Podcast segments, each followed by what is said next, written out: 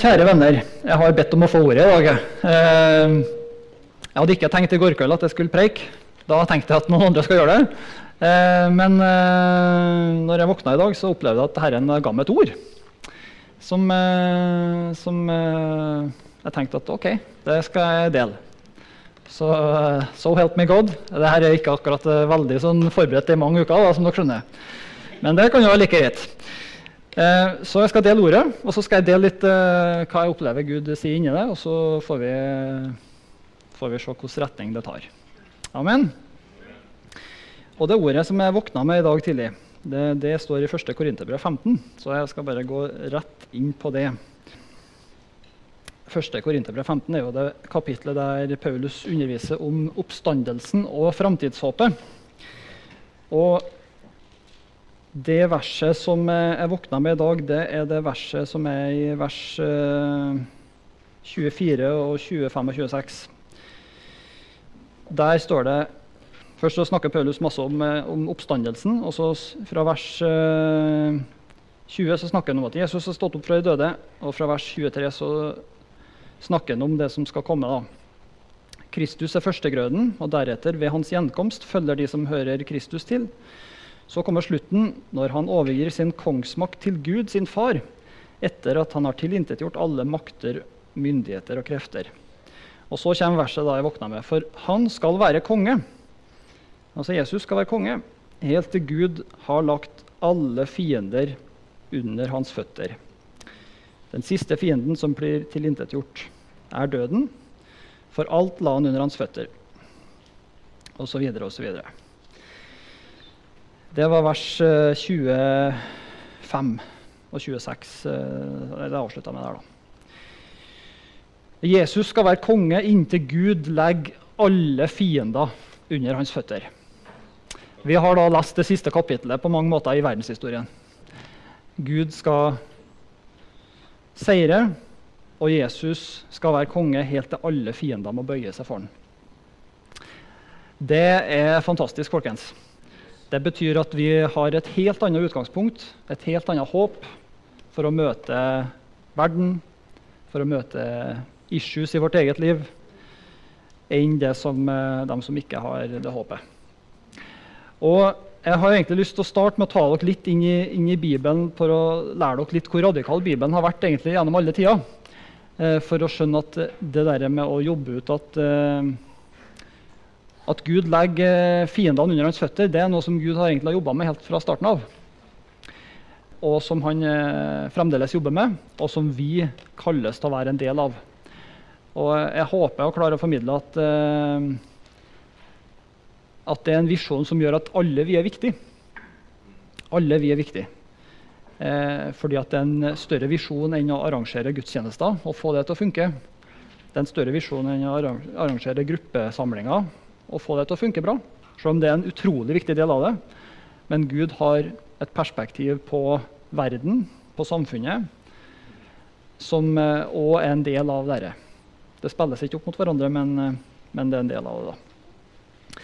Men la oss eh, gå løs på bibelhistorie sånn eh, kjapt, kjapt, kjapt. Jeg skal ikke være veldig kjapp, men, eller veldig sånn omfattende, for det, det er stort. Men, men eh, når Gud eh, starter da med å legge sine eh, fiender under hans føtter, så starter han allerede i skapelsen. Eh, skapelsesberetninga den, eh, det er jo den første delen av Bibelen. Og eh, det, det er en eh, det er jo en fortelling som er egentlig eh, godt eh, analysert og tolka. Og eh, de som har liksom satt seg litt inn i det der, ser jo at, det, at det, det er mange ting som eh, leses litt inn i den skapelsesfortellinga. Eh, men en av de tingene som vi allerede ser der, som er litt interessant i lys av det jeg snakker om nå, det er jo at skapelsen markerer en veldig avstand til ting som de var veldig opptatt av på den tida. Den ble det. La meg forklare det. Skapelsen er jo det, første. ikke sant? Og så etter hvert så blir jo det en del av fortellinga om Abraham, Isak og Jakob og israelsfolket. Moses. ikke sant? De gjør den fortellinga til sin. Eh, og blir eh, Og det er på en måte en fortelling som, som er deres versjon av hvordan verden starta. Og eh, en del bibeltolkere de har eh, sagt at når israelsfolket, f.eks. når de var i Egypt, så var de veldig eh, påvirka av egyptisk mytologi, gudelære. ikke sant? Om at de skulle tilbe sola, de skulle tilbe månen og en del dyr. ikke sant? Eh, du har jo hellige dyr i egyptisk eh, mytologi. Og alt det der var jo noe som israelsfolket levde med tett på seg når de var i Israel. I Egypt, ja. Beklager. Eh, så når Gud forteller hvordan han skapte verden, så gjør han jo et poeng ut av at det var han som skapte sola. Ikke sant? Mens i Egypt så sa de at sola er guden. Ikke sant? Eller at månen var guden. Ikke sant? Men så sier Gud nei. Jeg har skapt månen nå. Jeg har skapt stjernene. Jeg har skapt eh, dyra og alle ting som fyller, fyller landjorda, og havet. De skapningene er ikke hellige eller guddommelige. Men de er skapt av Han som er guddommelig hellig, Gud. Og Allerede da så ser vi kimen til et profetisk folk som forsvarer og står opp for Gud, den evige, sanne Gud, og ikke blir med på det som eh, omliggende kulturer lærer, som blir en del av deres måte å ha makt over folk på. Men allerede der altså, ser vi at eh, fiender av, eh, av, Gud begynner å bli lagt til skammel for hans føtter. Ikke sant? Du ser allerede konturene der av at soldyrkelse, månedyrkelse, hellige krokodiller og katter og hunder og alt som er, er ikke en del av det vi tilber. Vi tilber bare Gud. Det første eksempelet. Det andre eksempelet når vi går videre til Abraham og Isak og Jakob, eh, som eh, Bibelen lærer oss. De levde jo i Midtøsten. De, eh, Abraham levde jo i Ur i Kaldea, som er dagens Irak. ikke sant?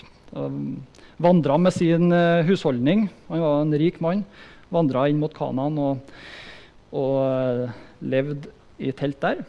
Og ble, eh, var jo da kalt av Gud eh, når han eh, dro dit. Og når han levde, så levde han i en, i en kultur der hvor det var noen ting som var udiskuterbart. Det ene var polygamiet. Og det andre var at den førstefødte arver absolutt alt. Det er udiskutabelt i den kulturen samtida han levde i. Eh, og det med barneofring og sånne ting og, til, for å tilfredsstille gudene var jo en del av bildet. Og så ser vi hvordan Gud eh, kaller Abraham til å ta et radikalt oppgjør med alt det tullet som omgivelsene holder på med. Eh, bibelforskere påpeker at, at Abraham og fortellinga om Abraham legger ikke skjul på at det å, konflikten mellom Sara og Hagar den var ganske intens. Og det er på mange måter en ærlig, usminka versjon av at polygami det er, det er ikke bare positivt, for å si det mildt. Det skaper bare tull og fanteri og, og, konflikt, ikke sant? Um, og det, det er ikke verdt å kjempe for for enhver pris. For oss er jo det selvsagt, men i den tida der Abraham levde, så var han en motstander av noe som alle tenkte det her må vi holde fast på for enhver pris. Polygamiet. Han sier nei. Jeg lever som det, men jeg ser at det skaper bare konflikt. Eller førstefødselsretten. Eh, der de ender opp med at eh, det blir jo Jakob som eh, overtar førstefødselsretten fra Esau. Ikke sant? Som er en del av den patriarkhistorien. Og som de heller ikke da legger skjul på. At ja, jeg vet at det der er en del av den eh, kulturen som alle andre praktiserer rundt oss. Men på Guds kallelse så var Jakob den som skulle gå først, ikke Esau. Sant? Eh, Det var jo ikke, Selv om det, historien forteller at det var jo at hun eh, Rebekka, eh, mammaen, var jo litt inne i bildet og, og jobba i kulissene her. Så er allikevel eh, profetene i Gammeltestamentet sier at det her var Guds styrelse. At Jakob skulle gå foran Esau. Så på mange måter så kan du se for deg at Gud ser at her er det en kultur som, der førstefødselsretten har en usunn plass. La oss snu opp ned på det. La oss snu opp ned på det. Bare for å markere hvem er Gud. Hvem er Gud? Ingenting er mer hellig enn, enn Gud. Og samme med barneofring, hvor du ser at Abraham eh, eh, går jo veldig langt. Eh, han gjør klart offeret, samtidig som han stoler på at Han eh, sier jo til til Isak at uh, Gud kommer til å sørge for et offer når de går opp mot fjellet. Ikke sant? Og det gjør jo Gud. Samtidig som at det som var vanlig i den kulturen, var jo, var jo barneofring. Sånn at det var ingenting i, det, i omgivelsene som reagerte på at Abraham tenkte å ofre Isak. Det var en naturlig måte å tilfredsstille gudene på. Ikke sant? Men Gud viste sin eh, sitt hjerte for mennesker ved å si at denne praksisen den hører ikke Guds rike til. Det med å ofre barn. Fiendene av Guds rike blir lagt til skammel for hans føtter. Gud tar oppgjør med ting som er i kulturen, som ikke er bra, som ødelegger for mennesker, og som stiller Gud i et dårlig lys, og som gjør at det blir vanskelig å leve sammen. Sånn har Gud vært alle tida. Sånn var Gud den gangen. Og vi ser, ser det i bibelhistorien. Videre i Gammeltestamentet så blir jo Israel etter hvert Guds eh, nasjon, Guds folk. Ikke sant? Dere kjenner historien der. Eh, og eh, Når du leser Gamle testamentet, så ser du jo at det der var skikkelig kamp rundt for Israel. Fordi at Israel levde midt i en uh, kultur med naboland der det var masse avgudsdyrkelse. Den fikk jo også innpass i Israel i perioder. Fordi at uh, evnen deres til å holde fast på dyrkelsen av Gud, den var, den var, vanskelig for dem, for det var utrolig radikalt. Fordi at alle andre nasjoner og kulturer rundt de hadde jo, de laga statuer. De pynta jo på disse gudene og la, ga dem egenskaper. og og smykka dem ut. ikke sant? Og det var jo Det kan godt hende at det var ganske pent å se på. sant? Det var sikkert en eh, litt sånn konkurranse mellom de forskjellige byene. Hvem har den fineste Bal-statuen? Eller hvem har den eh, fineste Asherapælen eller Astarte-dyrkelsen? Og så kommer de til israelsfolket og så sier de, ja, hvor er statuene deres. hen da? Nei, eh, statue uh, Vår Gud har sagt at vi skal ikke ha noe statue. Å, hvorfor ikke det?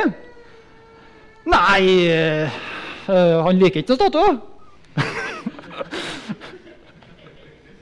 Du kan se for deg at det var litt sånn flaut for en israelitt å møte en uh, fra nabolandene og skulle begynne å Ja, hvor er deres gud? La oss få se. Vi vil gjerne ofre litt til gudestatuen deres. Nei, vi har ingen. Å uh, oh, nei. OK. Og sånn, eh, sånn, er det å være et profetisk folk. Du er kalt til å være annerledes. Du er kalt å, til å ikke prøve å utkonkurrere alle dem som holder på med alt mulig rart rundt oss. Men vi er kalt til å bare slappe av, trekke pusten og leve i tro til Gud. Og Det var radikalt den gangen, og det er fremdeles radikalt. Så bringer bibelhistorien oss fram til Jesus. Eh, og du ser at han òg har den samme tanken med at fienden skal legges til skammel for hans føtter. Og her er det masse usunn, usunn religion som, eh, som, må konfronteres. Ikke sant? Du ser det noen eksempler i evangeliene hvor, hvor Jesus tar litt oppgjør med tankegangen som uh, var i Israel. Eh, F.eks. en gang når han helbreder en, eh, mann, så, så, spør de jo han eh, eh, var det fordi at foreldrene hadde synda at eh, han her mannen var, var syk? Og så sier Jesus nei. Det var for at Guds herlighet skulle bli demonstrert. Men han er ikke med på å gi grønt lys for at vi skal lete i fortida. For hvorfor, hvorfor har denne sykdommen eller forbannelsen eller det her ramma oss som familie eller meg som person?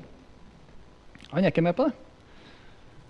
Men han er med på å si at Gud er her for å, for å bringe gjenreisning og frelse til verden.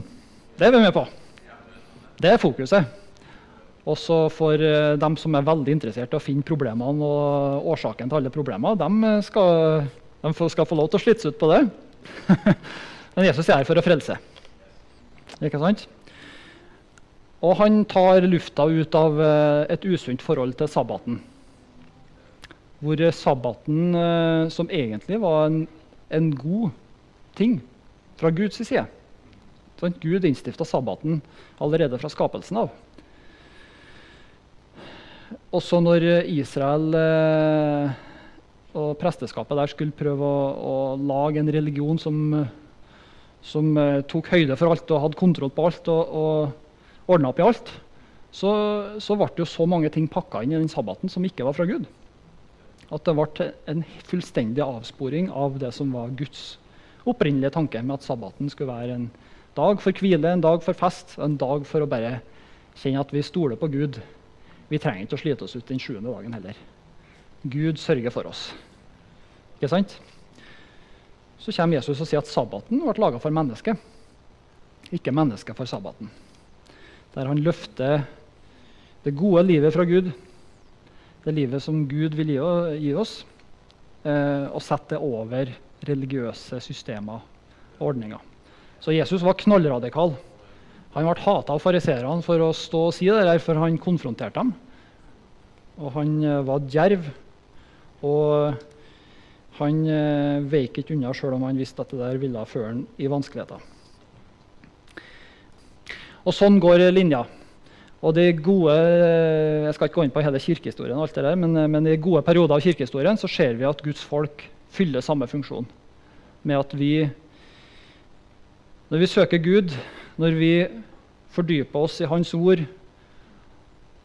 så er vi i stand til å bringe en nødvendig korreks i forhold til den verden som Gud søker å nyskape, søker å utvikle. ikke sant? Der hvor fiender av Gud blir lagt skammel for hans føtter, og der hvor det gode livet fra Gud får plass og rom imellom oss. Amen. Så det, det, er på mange måter litt opptakten til der vi er i dag, og der vi er kalt av Gud i 2019.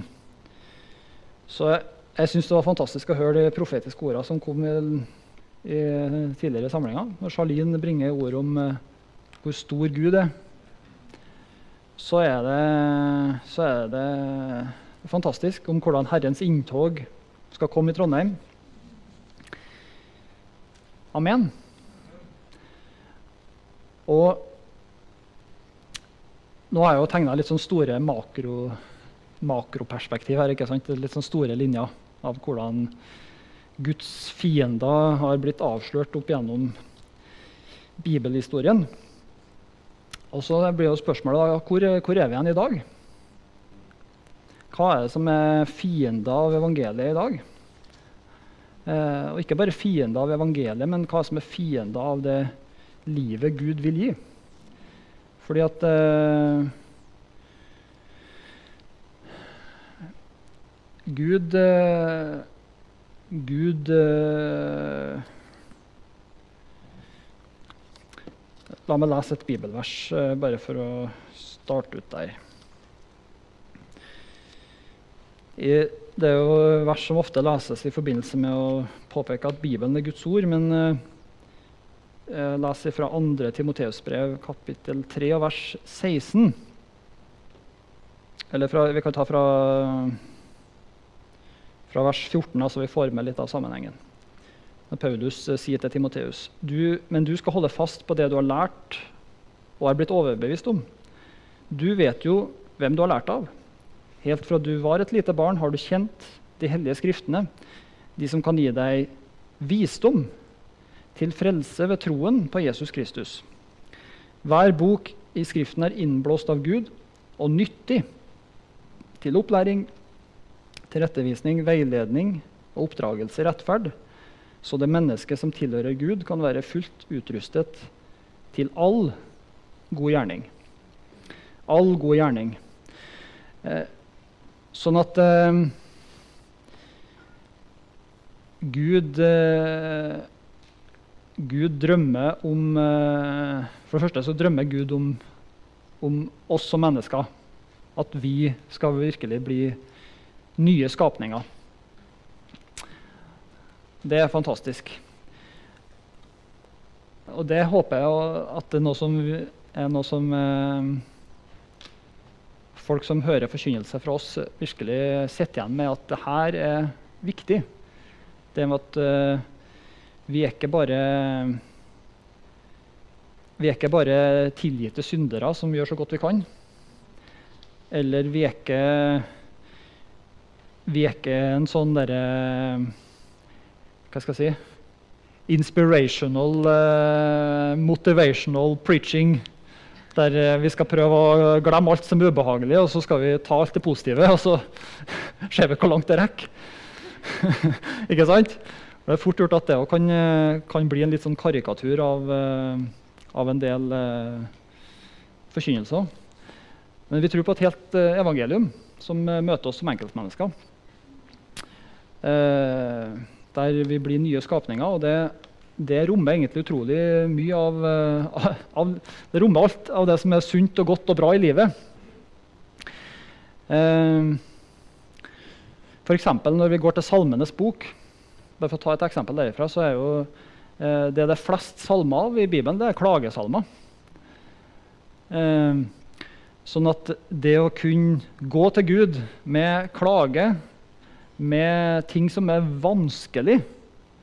Med ting som eh, Nå skal jeg ikke begynne å foregripe det som kanskje kommer på troskaffen her, om å leve et bekymringsfritt liv, men, men at eh, eh, Gud har tatt høyde for at vi, at vi kan bli fanga av de tingene der. Gud har tatt høyde for at vi kan gjøre feil. Eh, Gud har tatt høyde for at vi kan gjøre ting vi angrer på, og som vi skammer oss over. Uh, og der, eh, der, må jeg bare si at jeg syns uh, mye av det vi ser rundt i verden rundt oss, uh, er utrolig dårlig på å håndtere mange av de tingene der. men det er jo for det, det, det, gode er jo at vi har, vi har, et evangelium. Og vi har et budskap om at Gud tåler alle de tingene der. og at enten det er klage, eller det er bekymring, eller det er synd, eller det er svakheter og skrøpeligheter, så, så, er det rom for det. Eh, og vi kan gå til Jesus med det. Og så kan vi finne hjelp til omvendelse. Når Bibelen snakker om omvendelse fra døde gjerninger, så, det, så rommer det utrolig mange ting. da.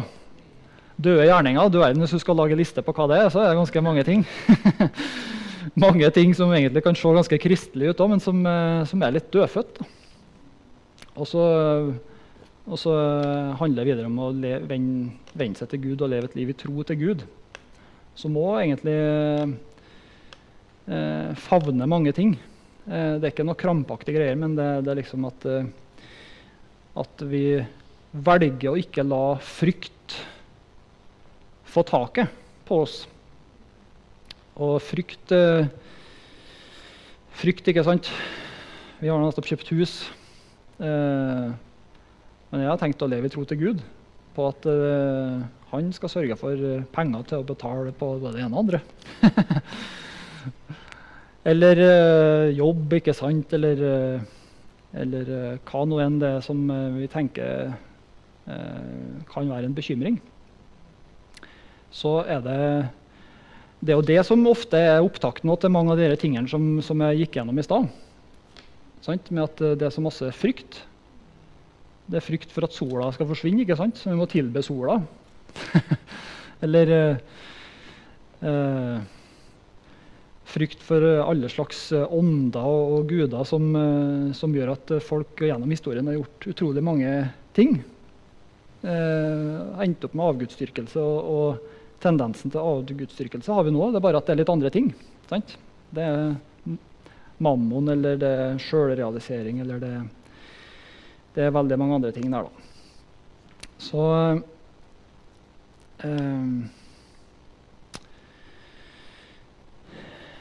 um, Så når vi har snakka litt om om hvordan, ting vi skal ta opp utover i 2019 og sånn, så, så eh, På gudstjenestene så er en av de tingene som vi har snakka litt om, blant annet, det er det med økonomi. At det er noe som eh, Bibelen sier veldig mye om. Og der hvor vi trenger å, å eh, ta imot Guds ord på det området der, sånn at ikke vi ender opp med at det blir en kime til bekymring og noe som vi bruker veldig mye krefter på egentlig ikke å flytte noen ting en millimeter. bekymring flytter ingenting. Sant? Det er ikke noe som forandrer seg med det, annet enn at du blir mer sliten. Men eh, når vi ber til Gud, så forandrer ting seg. Så hvis du skal være rasjonell og fornuftig, så er det bedre å be til Gud enn å gå rundt og være bekymra.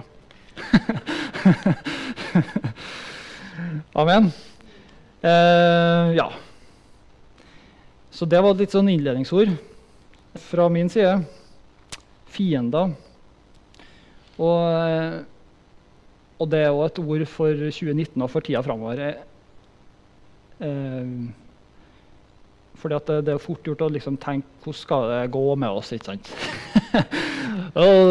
folk, de, folk, virker så uinteressert, eller de er så opptatt av alt mulig annet. ikke sant? Og, og tenker så mye rart om Jesus og evangeliet. Det er fort gjort å tenke. Men Guds ord sier at uh, han skal være konge helt til alle fiendene ligger under hans føtter.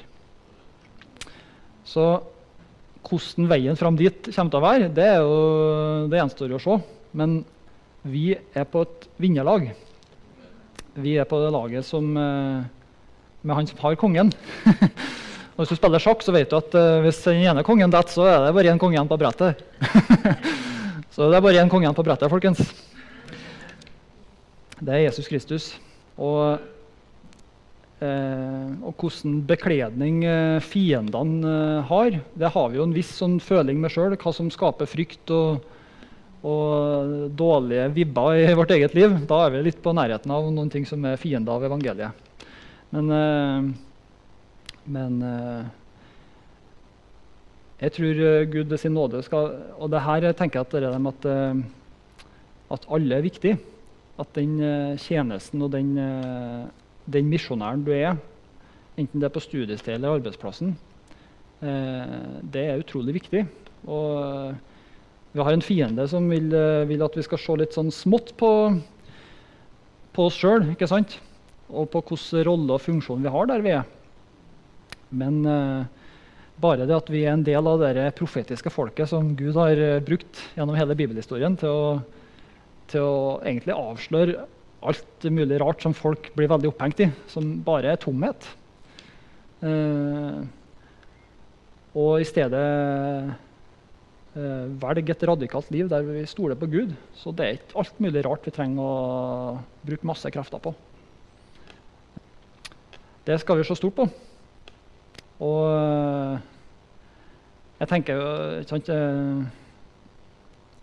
Når jeg jeg får av og til prat med folk med naboer med folk i skolen om hva jeg jobber med. og hva jeg... Så jeg at Det er alltid artig å se litt responsen på noen. Det er liksom, oi, litt sånn wow. Mens andre bare ja. prøver å holde maska så ikke de avslører hva de egentlig tenker og føler rundt det der. Men jeg hadde en prat med noen rett før jul der, uh, som en sånn gammel kjenning som bare som bare ja, han var litt sånn fascinert av at wow, det fins folk som tror på noe. Som står for noe. Som lever for noe. Og som bare ikke velger nødvendigvis minste motstandsvei alle ting.